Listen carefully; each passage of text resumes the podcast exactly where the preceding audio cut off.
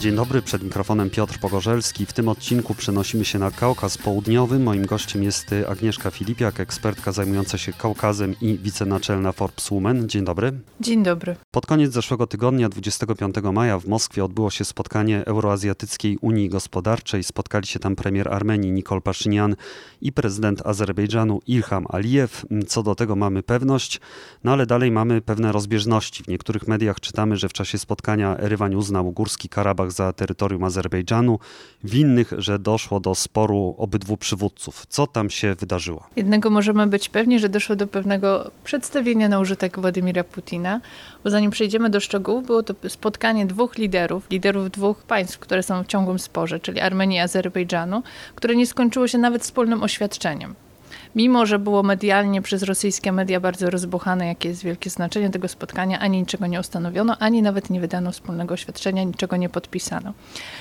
Co do tej deklaracji e, premiera Armenii Paszyniana, że Górski Karabach na, należy do Azerbejdżanu, rzeczywiście padła ta deklaracja, ale po raz kolejny. To znaczy, dlaczego ona jest taka ważna? Górski Karabach jest tym regionem spornym między Armenią a Azerbejdżanem. Zgodnie z prawem jest on częścią Azerbejdżanu, no ale Armenia nigdy nie uznała go za państwo niepodległe, ale też nie przyznawała, bo wspierała jego takie separatystyczne mm, działania czy motywy. Ale od ponad roku gdzieś Paszynian mówi już o czymś takim, on tak troszeczkę przesuwa granicę, bo za, zaczynało się od tego, że uznajemy integralność terytorialną Azerbejdżanu. Potem pojawił się problem, jeśli oczywiście uznajemy, to właściwie według jakich granic. I tu jest taki no, dosyć sporna, ciągle trudna nawet. No, oni się nawet nie muszą o to kłócić, ale sporna, na jakie mapy patrzeć. Jak już ustalili, że to będą mapy z czasu Związku Radzieckiego, to jeszcze jest kwestia, gdzie dokładnie ta granica ma przebiegać, bo jednym ze spornych takich punktów jest między innymi kopalnia złota, więc tam będą problemy. No ale jak już ustalili mniej więcej, więc Paszynian zrobił krok dalej i jego kolejna deklaracja była nie tylko integralność terytorialna, ale o konkretny obszar. Ale ciągle nie padał Górski Karabach. A to jest coś, na czym bardzo zależało Alijewowi, prezydentowi Azerbejdżanu, który wielokrotnie podkreślał, to nie wystarczy. Armenia, tak jak kiedyś mówiła, Górski Karabach jest Armenią, teraz ma powiedzieć Górski Karabach jest Azerbejdżanem. Dosłownie chodziło o takie deklaracje, to jest na takim poziomie rozmowa. Więc w końcu Paszynian, przesuwając znowu tę linię w deklaracjach, w końcu powiedział, powiedział, powiedział, że uznają integralność terytorialną, podał powierzchnię terytorialną i powiedział, że Górski Karabach jest Azerbejdżanu. I od, tu odczytując te deklaracje. Rzeczywiście jest to historyczny moment, że z ust przywódcy Armenii padło to, że on się przyznał, że ten region należy do Azerbejdżanu. Ale to jest tylko deklaracja premiera. Nie jest to w żaden sposób następstwem tego nie są żadne postanowienia parlamentów Armenii, e, nie jest podpisany żaden protokół, nie jest też e, ustanowiona, nie wiem, jakakolwiek, jeśli chodzi data o traktach pokojowy. A pokłócili się rzeczywiście o nazewnictwo, ale nie przywiązywałabym wielkiej wagi do tej kłótni w Moskwie, bo proszę sobie wyobrazić, że pojechało dwóch liderów, którzy się nie lubią, którzy się, wiadomo, na jakie tematy się zawsze kłócą. Posadzono ich przy okrągłym stole naprzeciwko siebie. Między nimi usiadł Władimir Putin i panowie przy kamerach odegrali przedstawienie sporu.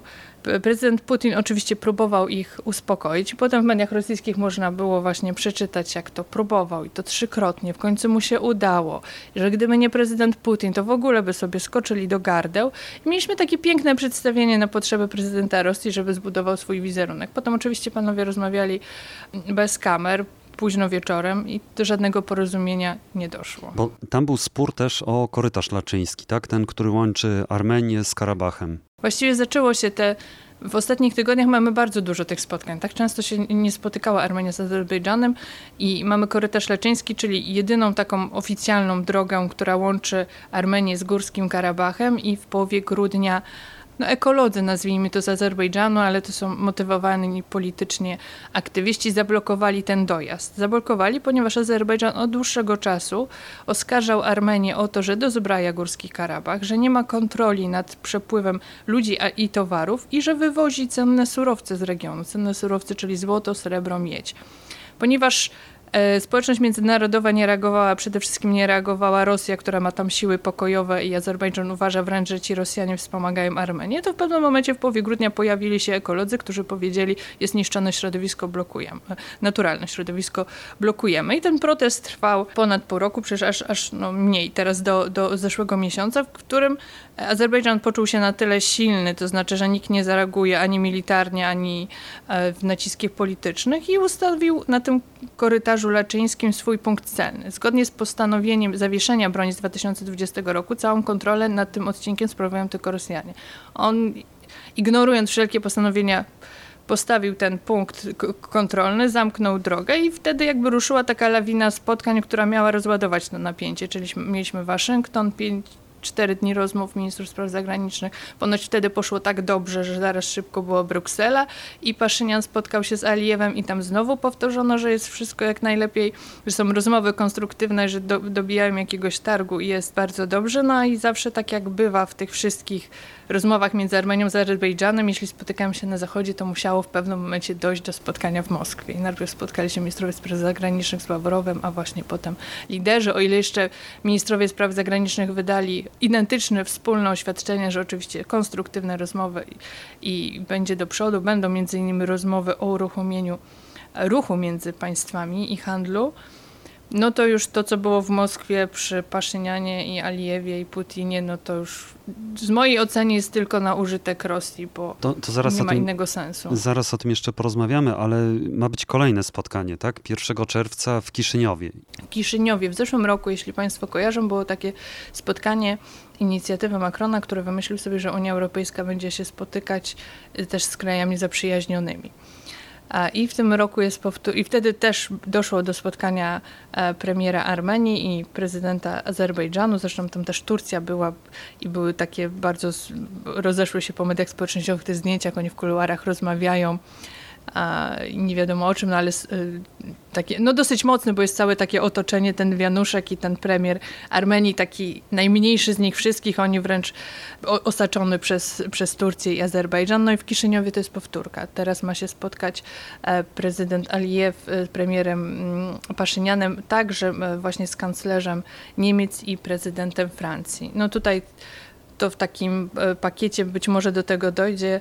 Nie wiem, czy Państwo kojarzą, Francja bardzo otwarcie i politycznie wspiera Armenię, więc Azerbejdżan teraz stroni od wszelkich spotkań, w których negocjatorem w jakikolwiek sposób miałaby być Francja, no ale tutaj na szczycie to troszeczkę inne e, układy. No ale w Moskwie równolegle też mają być e, spotkania wicepremierów tych krajów, no ale to już niższy szczebel, ale być może bardziej roboczy i coś konkretnego e, powstanie. Niemniej znowu będą te deklaracje i to też nie jest takie spotkanie, że oni coś podpiszą. Raczej będziemy mieli tę samą narrację, czyli uznajmy integralność terytorialną, ale co dodaje od razu premier, przy gwarancji bezpieczeństwa Ormian mieszkających w Górskim Karabachu. I każda z tych stron inaczej to bezpieczeństwo rozumie. Wróćmy do tej obecności Putina i tej Moskwy. Dlaczego obie strony zgodziły się na tego rodzaju właśnie można powiedzieć, przedstawienie, czy też, no bo tak naprawdę to jest y, rzeczywiście na korzyść Putina, tak? To jakiś buduje przynajmniej jego wizerunek nie tylko człowieka, który niszczy, ale też który się stara stworzyć jakąś, jakiś pokój na świecie. To jest bardzo dobre pytanie i naprawdę nie znam na nie odpowiedzi. Też sobie zadawałam, bo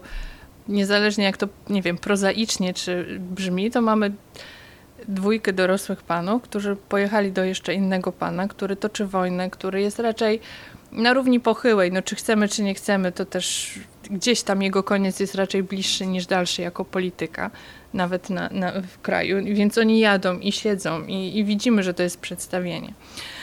Na Armenii możemy się domyśleć, mimo wszystko, że te więzi takie polityczne jakby troszeczkę się luzują, ale ciągle, bo przecież mamy i silną, może nie silną, liczną diasporę ormiańską w Rosji, czyli jest zależność ekonomiczna, oni utrzymują Armenię. Mamy bazy wojskowe rosyjskie w Armenii, mamy handel, ta Armenia żyje dzięki Rosji, a teraz z powodu wojny w Ukrainie wręcz zarabia dzięki wojnie i Rosji na to wszystkim. Więc premier Paszynian, on może usilnie deklarować, żeby chciał troszeczkę e, zminimalizować wpływy Rosji, ale wyboru wielkiego nie ma. I Azerbejdżan, który jest bardzo silny, który jest e, ekonomicznie też przecież i bogaty i związany bardziej z Turcją, ale ciągle jest w pewien sposób może nie tyle zależny od Rosji, ale tam też są bardzo dobre biznesy. To jest cały ten korytarz północ-południe, który ma iść z Rosji i tam jeszcze przez Iran, dlatego z tym Iranem te relacje też są takie niejednoznaczne, bo niby się kłócą, ale nie do końca.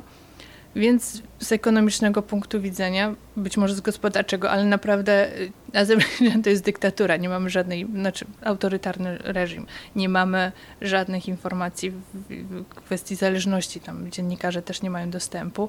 No ale dlatego nie potrafię, no ale gdzieś jakaś logika musiała za tym iść, że prezydent Alijew, nie wiem czy machnął ręką, czy coś za tym będzie szło, ja nie lubię też takiego interpretowania zdjęć, prawda, z tych wszystkich imprez, no ale ewidentnie się dobrze bawił, bo to jest, no, on ciągle jest w pozycji kraju, który ma przewagę. To on dyktuje warunki, mimo wszystko. A czy zwycięstwo, kolejna kadencja Erdoana coś zmienia tutaj? Czy Turcja może teraz aktywniej wejść po tej kampanii wyborczej właśnie do? Może jeszcze bardziej aktywnie. Tak.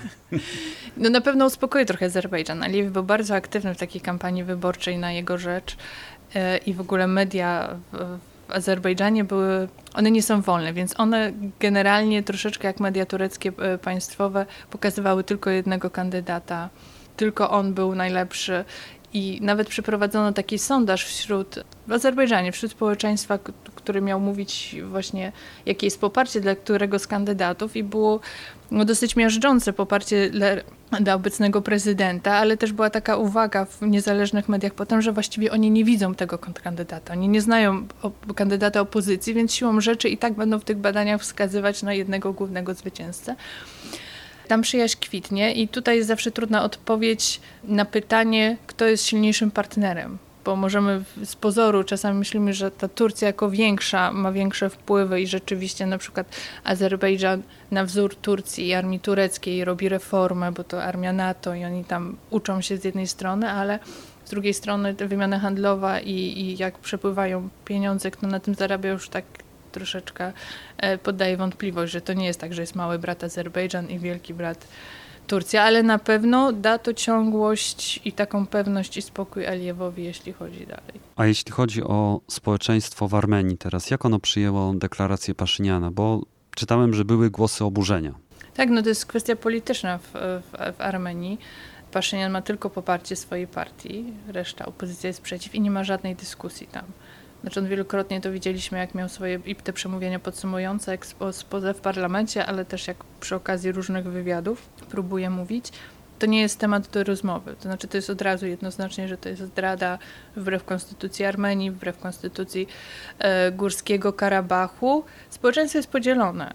Nie ma takiej jednoznacznej, też nikt nie wychodzi na ulicę i to jest troszeczkę inna kwestia jaki masz pogląd polityczny, a drugi, czy chcesz iść się bić za ten Górski Karabach i za niego ginąć. I tutaj też już brakuje chętnych. Troszeczkę to przywiązanie do tego klanu Górskiego Karabachu, czyli tego klanu karabaskiego, który przez, rządził przecież bardzo długo, dopóki obecny premier nie odsunął ich od władzy, no już nie jest, tak, nie jest takie silne. No i chyba ta normalizacja by przyniosła też korzyści zwykłym obywatelom Armenii. No jak najbardziej, to znaczy w mojej ocenie uważam, że Zresztą też to mówi premier. To jak on ma te przemówienia, to tak jak trochę jak z bajki, bo to jest taka świetna przyszłość, na którą można by widzieć Armenię. Niestety na to będzie potrzeba dekad, właśnie kiedy Armenia przestaje być uwiązana konfliktem o Górski Karabach. Kiedy Rosja przestaje mieć argument, żeby tam ciągle mieszać kiedy one jest ciągle przez to, że są te walki, co chwilę coś, ktoś ginie, nie ma jasności i ci Rosjanie są na tej granicy, jest ciągle w szachu. No, no nie może myśleć o niczym innym, bo każda rozmowa kończy się na Górskim Karabachu. Jakby odciąć w końcu tę kwestię, już niezależnie, już nie wnikając właśnie w, w, już teraz, co by miał zawierać ten traktat pokojowy, przy oczywiście szacunku wszystkich ludzi i ich bezpieczeństwa, to przecież Armenia rozpoczyna nowy rozdział. Po prostu może myśleć o sobie, a nie o tej kuli u nogi, z całym szacunkiem, jak mówię, do całego regionu i jego mieszkańców, który zawsze będzie i który, i ten Azerbejdżan, który zawsze będzie groził palcem, że chce więcej, że chce przesunąć, że będzie odzyskiwał. Przez wszystkie dekady ostatnie to było ciągle słuchanie od sąsiada, że on się zebroi tylko po to, żeby zaatakować. No to normalnie nie można funkcjonować, przecież myśleć. Armenia ma przecież swoje problemy. Pewnie wiele tych problemów. Tak, całkiem, całkiem sporo. Jeden z takich chyba najbardziej popularnych i mocniejszych, chociaż chociażby to korupcja, no ale my też jakby nie dyskutujemy o tym. Przecież jak mówimy o Armenii, to tylko w kontekście Górskiego Karabachu i czy jest bardzo prorosyjska, czy tylko trochę prorosyjska. Dobrze, a jeżeli byśmy się przenieśli obok do Gruzji, 19 maja wznowiono loty między Rosją a Gruzją. Georgian Airways, miejscowe linie lotnicze już zapowiadały w zeszłym tygodniu, że będą się starały organizować tranzyt dla Rosjan, którzy przez Tbilisi będą podróżować na zachód do państw Unii Europejskiej, ponieważ tam tych lotów y, nie ma. Jak w ogóle gruzińskie społeczeństwo przyjmuje tego rodzaju pomysły? Przypomnijmy, że to Władimir Putin zaproponował, żeby te loty wznowić, a zakaz obowiązywał od czerwca 2019 roku, czyli tutaj inicjatywa leżała po stronie Moskwy. Tak, tak. To znaczy Putin e, zniósł zakaz, który sam wprowadził, inicjatywę i była to decyzja polityczna, no ale potrzebna była druga strona, która powie super, latamy.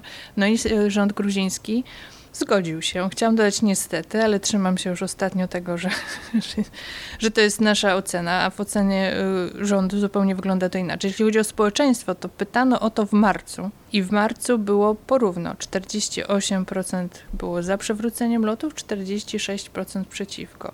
Jednym z tych argumentów, które mówi rząd i ten akurat jest prawdziwy, jest ta milionowa diaspora, emigracja zarobkowa w Rosji i rzeczywiście dla nich to z praktycznego punktu widzenia jest na pewno wygodniejsze, co nie znaczy, że zawsze wygodniejsze rzeczy są e, właściwe. To, to jest jeśli chodzi o społeczeństwo. Z kolei rząd, e, premier Gruzji był parę dni temu na szczycie na forum ekonomicznym w Katarze, gdzie na scenie jeden z amerykańskich dziennikarzy przeprowadzał z nim wywiad i właściwie mogliśmy z pierwszej ręki dowiedzieć się, jaka jest argumentacja gruzińskiego rządu. no jest pełna sprzeczności. To znaczy, to jest 20-minutowe i przemówienie i nie wiem, jak to zobrazować, ale no, ginie logika w tym, co on mówi, bo on z jednej strony mówi o tym, przypomina stale, że Gruzja wie, co to wojna, że to był 2008 rok i nikt z Zachodu nie wprowadził sankcji wobec Rosji. Wszyscy handlowali bez problemu.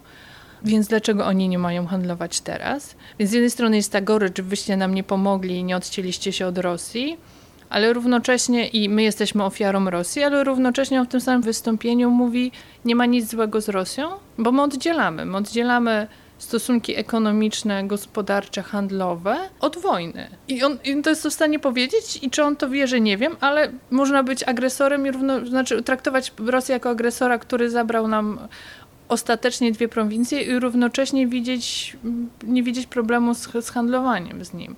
I oni ciągle uzasadniają to, że nie mogą przystąpić do sankcji gospodarczych, ponieważ byłoby to szkodliwe dla gospodarki gruzińskiej, dla ich obywateli, a odmówienie Putinowi byłoby jak nałożenie sankcji. Ale Putin tutaj w tym momencie chyba też y, paraliżuje ten ruch na zachód. Tbilisi. Jeżeli rzeczywiście gruzińskiemu marzeniu zależy nie, na tym. Nie, że... nie Putin. Gruzińskie marzenie to robi. No ale Putin proponując, tak? tak składając taką tak, tak. propozycję, jakby. Zniu, zniósł, owszem, ale y, Gruzja nie musiała na to odpowiedzieć. Żeby y, linie lotnicze zaczęły latać, gruzińskie instytucje, gruzińskie urzędy muszą wydać zgodę i wydały od razu. Nawet, nawet nie próbowały się zastanawiać, twierdząc, że nie ma sankcji nałożonych na te konkretne firmy, więc mogą latać. Tylko problem w tym jest, że owszem, nie są nałożone sankcje na konkretne firmy, ale Unia Europejska zamknęła całe niebo. Odcięła Rosję. I to jest jedna z tych sankcji, które są widoczne, y, których widzimy rezultaty, że są skuteczne.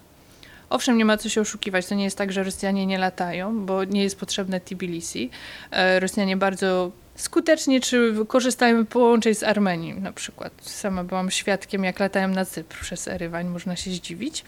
Więc to nie jest tak, że, że, że myśmy skutecznie odcięli, żaden Rosjanin nie wjechał, czy Rosjanka do Rosji, wiadomo, ale nie o to chodzi. Chodzi o gesty polityczne i o sankcje.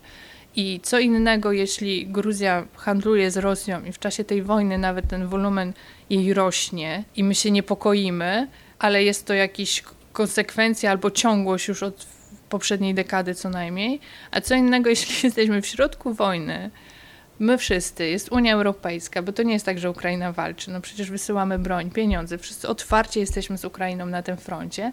I w tym momencie Putin robi taki polityczny gest i Tbilisi nie musi go przyjmować. Nie musi go przyjmować, a jednak wychodzi. I oni twierdzą, że równocześnie są za integracją z Unią Europejską, ale prawda jest też taka, że decydując się na ten krok, myślą, dużej mierze o wyborach w 2024 roku. Są prezydenckie i parlamentarne. I to jest odpowiedź na to, jak, jakie jest oczekiwanie społeczeństwa. Bo to jest to, czego, to, co nam trudno zrozumieć i ja się przekonałam też o tym ostatnio, będąc w Gruzji. Ich postrzeganie Rosji, obecności rosyjskiej kultury czy rosyjskich produktów jest zupełnie inne niż u nas. Rosji, gruzińskie sklepy są pełne rosyjskich produktów. Bojkot jak? No przecież to ktoś to sprowadza. Jak to sprowadza, to Gruzin to sprowadza. Jak nie będę tego kupować, to przecież Gruzin ucierpi, a nie Rosjanie. I to jest takie wymieszane, tam nie ma czegoś takiego, że możemy się odciąć i nagle zamknąć się na wszystko, co jest, e, co jest rosyjskie. Więc były te protesty przecież teraz przeciwko przywróceniu lotom, ale to nie jest tak, że cała Gruzja wyszła na ulicę. Może ludzie po prostu są w takiej sytuacji finansowej, że dla nich te kwestie wartości są gdzieś tam na dalszym planie. Tak, ale to też nie jest, no tak jak mówię, no ja sama się zdziwiłam, jak przyleciałam potem do Polski i się okazało, że chlebki, które kupiłam, to są właśnie produkcji rosyjskiej w Gruzji i może bym się trzy razy zastanowiła, ale jedno to koszty, a drugie ta współpraca z, z Rosją. Ci Rosjanie, język rosyjski zawsze był tam obecny, więc trudno tak jednoznacznie dzielić, ale też badania pokazują, że o ile na początku wojny i agresji rosyjskiej w Ukrainie było bardziej, że to jest wina Rosji i że to jest wojna Rosji, to w późniejszych tych badaniach wychodziło ten słupek na Putina się powiększył, że to jest bardziej wojna Putina. I ten rząd, który ma kontrolę nad czołowymi mediami, też nadaje taką narrację, że my owszem wspieramy Ukrainę, ale to jest taka strategiczna cierpliwość wobec Rosji. Nie możemy jej drażnić. Oni mają tutaj wojsko blisko w Osetii Południowej, mogą nas zawsze zaatakować. Przede wszystkim Zachód jest ten zły i to się bardzo mocno utrzymuje jeden z tych wątków narracji, że Zachód i Ukraina chcą nas wciągnąć w drugi front, a my nie chcemy wojny. I premier to te pięć dni temu na tym szczycie w Katarze też ciągle powtarza, że my jesteśmy suwerennym państwem, a wszyscy wokół chcą nas wciągnąć w wojnę, a my chcemy dążyć dążyć do pokoju. I to się trzyma. I coś, co mnie osobiście tylko niepokoiło w tym jego przemówieniu, bo dostał pierwsze pytanie w kontekście y, dyskusji z Orbanem dzień wcześniej, który stwierdził, że cokolwiek się wydarzy Ukraina nie wyjdzie zwycięsko z tej wojny. Miało być pewnie takie filozoficzne domniemanie. I on dalej, premier Gruzji, mówiąc o tej Ukrainie, że on oczywiście nie przystępując do tych sankcji wspierają Ukrainę, powiedział, że on po prostu życzy Ukrainie, żeby ta wojna jak najszybciej się skończyła. Nie powiedział, żeby Ukraina wygrała. Jest tam taka zadra, dużo takich personalnych jakichś ciągle konfliktów też z rządem w Kijowie, że to z jednej strony jest polityczne, że oni przystępują do deklaracji Putina. Ekonomicznie im się to opłaca, ale jak jeszcze można tam troszeczkę tak Ukrainie dociec, to chyba nie zaszkodzi. Podobne rzeczy były w poprzednim odcinku podcastu, kiedy mówiłem o Węgrzech, o swoich wrażeniach z wyjazdu do Budapesztu. Tam rzeczywiście jest podobne podejście, też jest właściwie business as usual i to, żeby wojna się skończyła, ale właściwie Orban też nie mówi, jak, jak się ma skończyć. Agnieszka Filipiak, ekspertka zajmująca się Kaukazem i wicenaczelna Forbes Woman. Bardzo dziękuję. Dziękuję bardzo.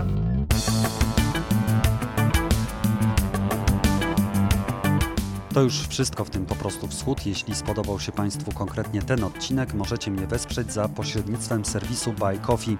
Dla stałego wsparcia polecam zrzutkę i Patronite. Linki w opisie. Do usłyszenia. Żegna się Piotr Pogorzelski.